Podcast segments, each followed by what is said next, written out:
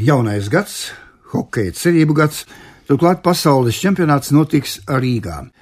Līdz šim Latvijas valsts izlases izcīnīta augstākā vieta bijusi 7. 1997. un 2004. gadā vārtus sargājot Arturam Irbem, kurš šodien ir mans ciemiņš. Labdien! Labdien visiem! ja, un ar kuru kopā būs daudzās spēlēs, dažādos turnīros, čempionātos, olimpiskās spēles ieskaitot.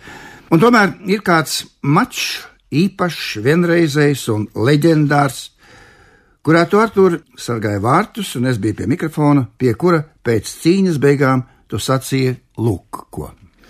Es esmu dzīvojis 33 gadus šai pasaulē. Es dzīvoju visus šos 33 gadus šai dienai, šai spēlei, un es būtu gatavs sadot vienkārši pusi dzīvi vienam šādam hokeja mačam. Paldies visiem, kuri ticēja! Tā tu sacīji pirms turpat 23 gadiem Sanktpēterburgā, kad Latvija vinēja Krieviju 3-2. Vai šobrīd vēlēs kaut ko pie šiem vārdiem piebilst? Nu, es uzreiz varu piebilst, ka toreiz emocijas bija drusku sakāpinātākas un savādākas. Bija milzīgs atvieglojums, jo tas bija izdevies. Un tas ir jāskatās uz manu hokeja karjeru.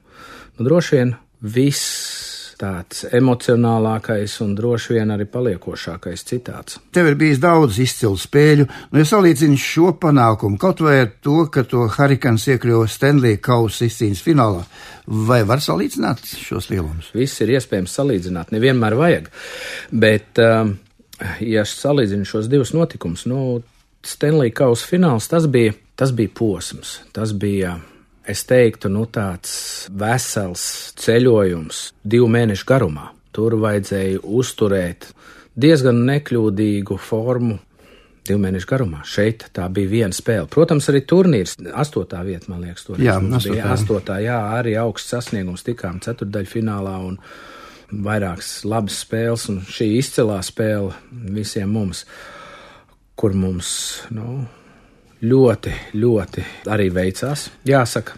Bet, eh, nu, paldies visiem, kur ticēja, jo mēs paši arī ticējām, un tas bija pats svarīgākais. Šī spēle līdz ar to viņai bija milzīga likme tomēr. Playoffs, jā, izslēgšanas spēlēs ir iespējams vienu, divas spēles neveiksmīgi nospēlēt. Tu vēl vari atspēlēties. Šeit bija viens mačs, viņš bija jāiztur. Ja atgriežamies vēl tālākā pagātnē, tad tava debija Latvijas valsts izlasē notika pats droši vien Neatceries, vai atceries? Atceries, kur? Šefildā noteikti. Jā, 1993. gada 30. augustā Olimpiskajā kvalifikācijas turnīrā Šefildā. Es piedalījos deviņos pasaules čempionātos, divās Olimpiskajās spēlēs. PSRS izlases sastāvā divkārt es kļuvu par pasaules čempionu un 90. gadā arī par pasaules labāko vārdsargu. Drīz pēc tam, laikā, kad Latvija vēl nebija atgūsta neatkarību, tu atsacījies startēt PSRS izlasē. Ja mūsdienās attiekšanās būt Krievijas komandās vai arī sacensties ar tām ir parasta parādība, tad tolaik tas šķita ļoti drosmīgs patriotisks solis. Kā tas īsti notika? Tāda bija laika, bija jāpieņem lēmums. Un... Bet tagad arī pieņem lēmumus. Toreiz šos lēmumus pieņemt bija daudz grūtāk. Nē, nu, protams, ka bija grūtāk, bet uh, man liekas, ka man bija dot iespēju dzīvē būt klāt pie savā ziņā pie mūsu Latvijas atzimšanas šūpuļa. Dažādi par to spriež, bet īstenībā tas sākās cilvēku sirdīs un ar cilvēku lēmumiem. Un arī barikādēs cilvēki izvēlējās, iet vai neiet, baidīties vai nebaidīties. Pieteicās tautas frontē, parakstījās, ja iestājās cilvēki. Baidīties vai nebaidīties. Un tas jautājums bija arī, manā galvā, ja, kad man piedāvāja iestāties tautas frontē, nu drusku bija jāpadomā, jo tu saproti par sekām, kādas var būt. Tā šobrīd tas tā abstrakti izklausās, bet toreiz tas bija reāli. Un tieši tas, ka tik daudz cilvēku pieņēma lēmumus tieši tajā laikā, arī deva mums iespēju atgūt neatkarību. Nu, mana loma bija nu, šajā gadījumā ļoti tāda nu, jaunam gurķim, ja tā var teikt, nu, diezgan publiska savā ziņā.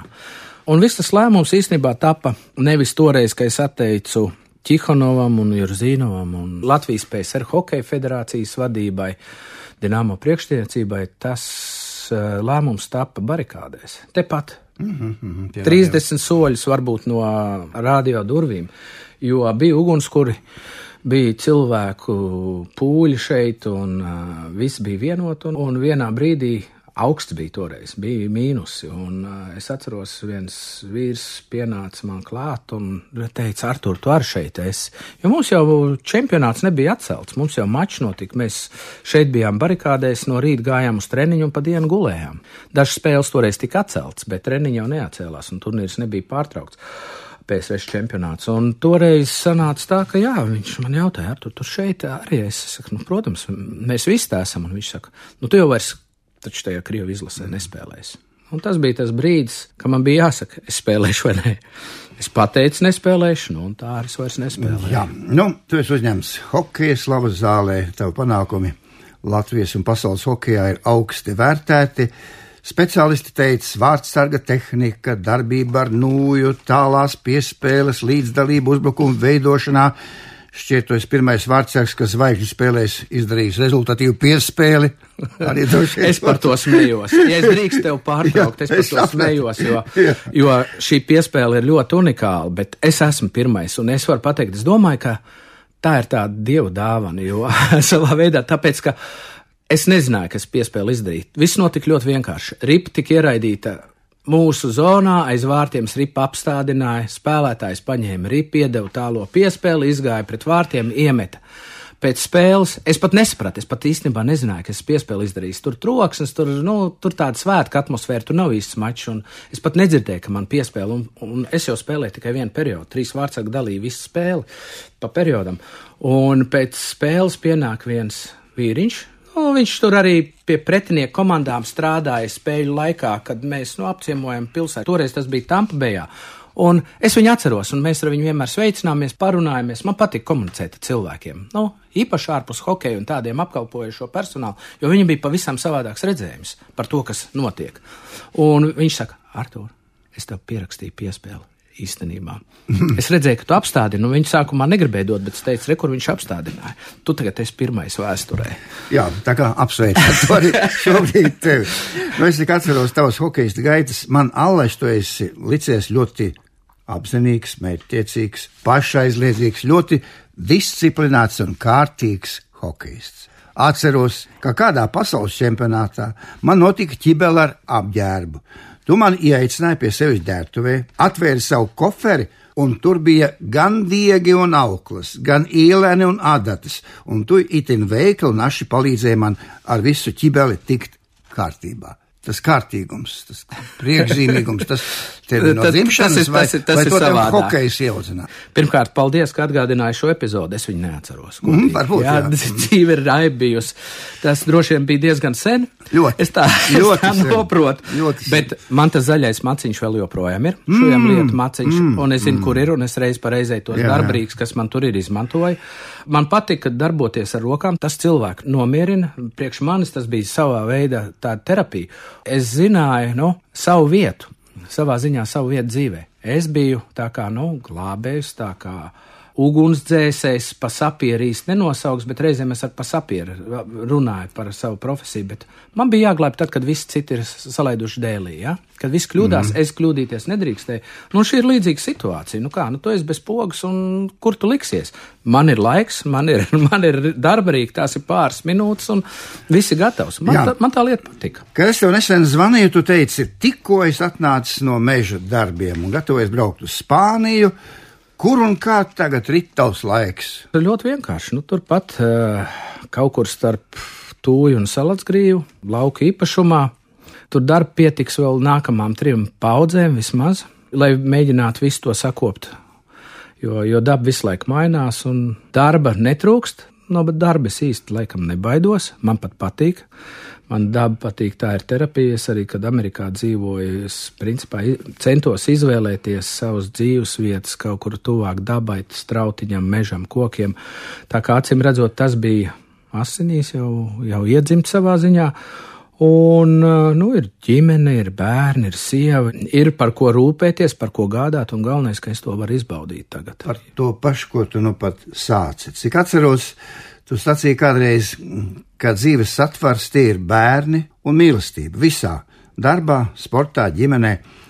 Nu, dažos vārdos pastāst par savu ģimeni, par bērniem, un vai tiek uh, koptas arī sportiskās tradīcijas. Tas ir tāds, jā, vairāk uh, šķautņu jautājums, bet, ja runā par bērniem, par ģimeni, par mīlestību, mīlestība ir uh, ļoti arī universāls īstenībā kopums, jo, lai cilvēks tiktu mīlēts, viņam ir jāsniedz mīlestība. Tas ir apusējs. Es teiktu, pat uh, divirzienu kustība. Ja?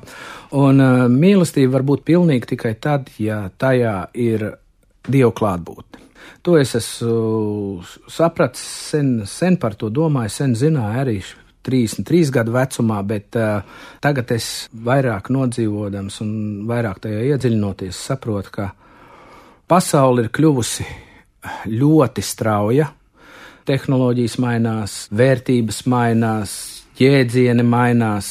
Cilvēks reizēm vairs nav cilvēks. Cilvēks var pateikt, ka es sevi identificēju ar suni, un viņam visas tiesības par to cīnīties. Tagad, ka viņš nav cilvēks, viņš ir suns. Tāpat arī ir par, par cilvēka dzimumiem un vispārējo. Tā kā es tajā esmu apmaldījies, pateikšu. Bet, ja pieturās pie vienkāršākām lietām un dzīvi pārāk nesarežģīja, ko pašlaik mums māca sarežģīt dzīvi, tad viss balstās mīlestībā, vienkāršās, pavisam vienkāršās lietās. Un man viņas ir mīloši bērni, mīloša sieva, ar ko var no rīta pamosties, vakar aiziet gulēt. Hokeja laikā tā nebija. Tagad es to izbaudu. Bet cik es jaušu tev bērni tavās pēdās kaut kā negrasās iet? nu, lielie bērni nav grasījušies. Jā. Jā. Ne, varbūt pat grasījās, jā, bet jā. nav aizgājuši. Jā. Bet, ja runā par um, jauno paudzi, nu. Kas zina? Nu, mans piecgadīgais ilgi, ilgi, ilgi prasījās, un Aha. īstenībā viņš Viņš izprasījās pats tik ilgi dīts, kamēr mamma izdīts, lai aizved uz, uz, Jā, uz hokeju. Nonācām pie ledus, nu, neskumst pēc nūjas, pēc ledus, pēc hokeja, un vai trenera darbs tevi tā īpaši tomēr nesaist? Es aktīvi, protams, netrenēju tagad, un vai es to būtu gatavs darīt pie noteiktiem apstākļiem, noteiktā situācijā, es to atkal varētu darīt. Man tas patīk, es atzīšos, man ļoti patīk.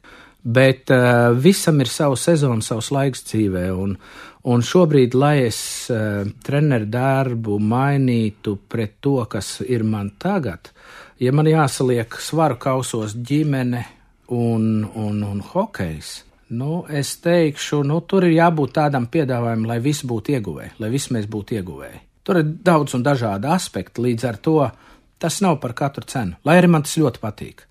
Uh, runājot par izlasi, pasakoši. Es noteikti paskatīšos spēles, droši vien arī aiziešu uz kādu no hokeja mačiem.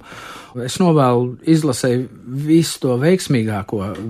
Vēsturiski mums vienmēr kaut kas ir pietrūcis. Iepriekšējais čempionāts Latvijā bija pateicīgs, jo bija, nebija ļoti stipras izlases. Bija, teiksim, iespēja vājākā ešalona komandām ielikt, ielikt medaļās.